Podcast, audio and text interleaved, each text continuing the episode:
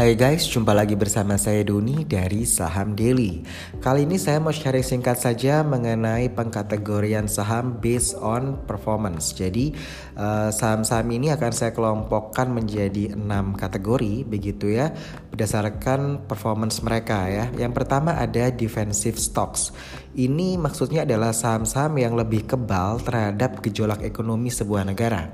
Jadi misalkan negara tersebut mengalami krisis, saham-saham ini tetap ada, uh, tetap uh, lebih stabil saya bilang ya, bukan tetap ada tapi tetap lebih stabil begitu.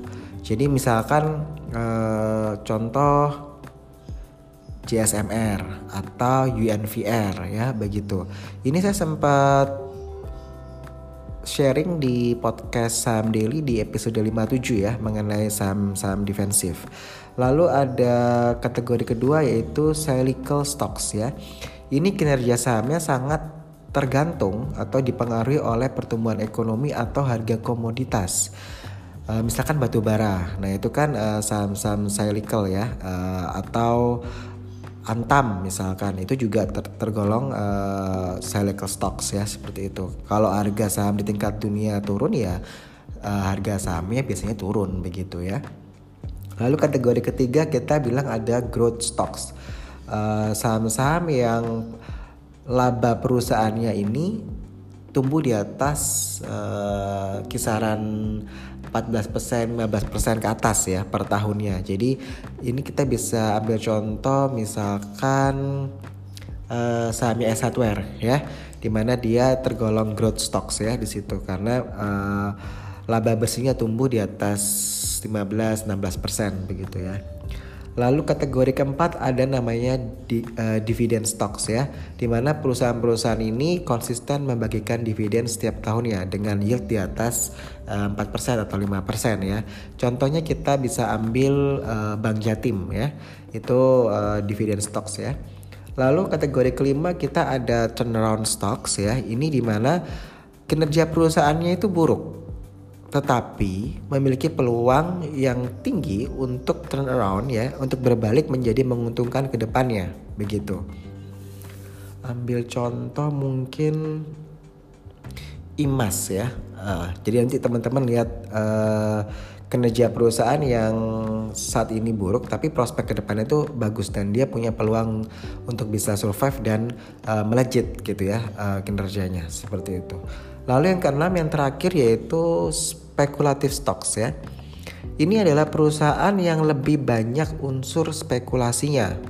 Begitu. Jadi fundamental perusahaan itu nggak bagus begitu ya. Jadi ini eh, saham-saham yang kita bilang uh, kalau anda mau beli itu harus kuat nyalinya begitu. Karena uh, ya itu tadi tidak ada indikator uh, yang base yang kuat untuk mengapa anda beli saham ini ya begitu selain ikut-ikutan atau ya kita bilang ini saham-saham gorengan ya untuk yang spekulatif stocks ini ya. Jadi memang jenis-jenis saham yang memang lebih cocok untuk uh, tipe gambler kali ya gitu ya. Karena memang kan uh, tidak ada baseline yang bagus uh, alasan yang bagus reason kenapa anda harus membeli saham ini begitu. Tapi ya cuma pengen cuan aja. Jadi ya kita bilang saham-saham gorengan.